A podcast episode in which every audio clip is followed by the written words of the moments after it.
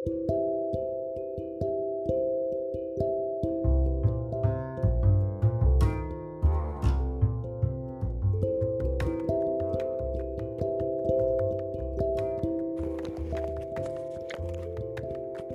hai hai. Jumpa kembali di sini bersama Bu Simbak. Kali ini kamu akan dengarkan cerita sejarah. Pernah dengar nggak tentang Bandung Lautan Api?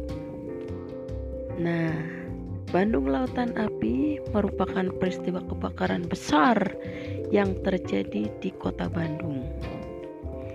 Peristiwa ini terjadi tanggal 23 Maret 1946. Satu tahun setelah kita merdeka. Saat itu kira-kira 200 ribu rumah dibakar serentak. Coba apa yang ada di bayangan kamu? Kalau 200 ribu rumah dibakar serentak, tentunya seperti lautan api yang tak bertepi. Terus, apa ya yang menyebabkan penduduk Bandung waktu itu membakar rumahnya sendiri rame-rame? Um, hal ini dilakukan untuk mencegah tentara sekutu dan nikah Belanda untuk dapat menggunakan kota Bandung sebagai markas strategis militer dalam perang kemerdekaan. Oh, akibat kejadian tersebut, tentara Inggris tidak terima dan mulai menyerang kota Bandung. Sehingga pertempuran yang sengit terjadi antara sekutu dan penduduk kota Bandung. Pertempuran yang paling besar terjadi di Desa Dayakolot, di mana terdapat gudang amunisi besar milik sekutu.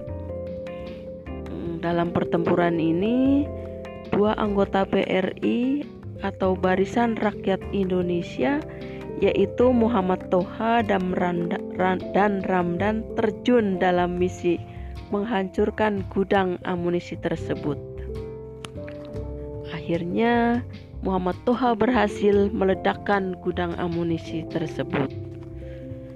Namun, karena efek ledakan yang sangat besar, keduanya tewas di tempat kejadian. Nah, untuk menghormatinya dan mengenang jasanya, pemerintah Kota Bandung memberi nama sebuah jalan di Bandung dengan nama Jalan Muhammad Toha. Nah, itulah uh, cerita sejarah dari masa perjuangan kemerdekaan Indonesia.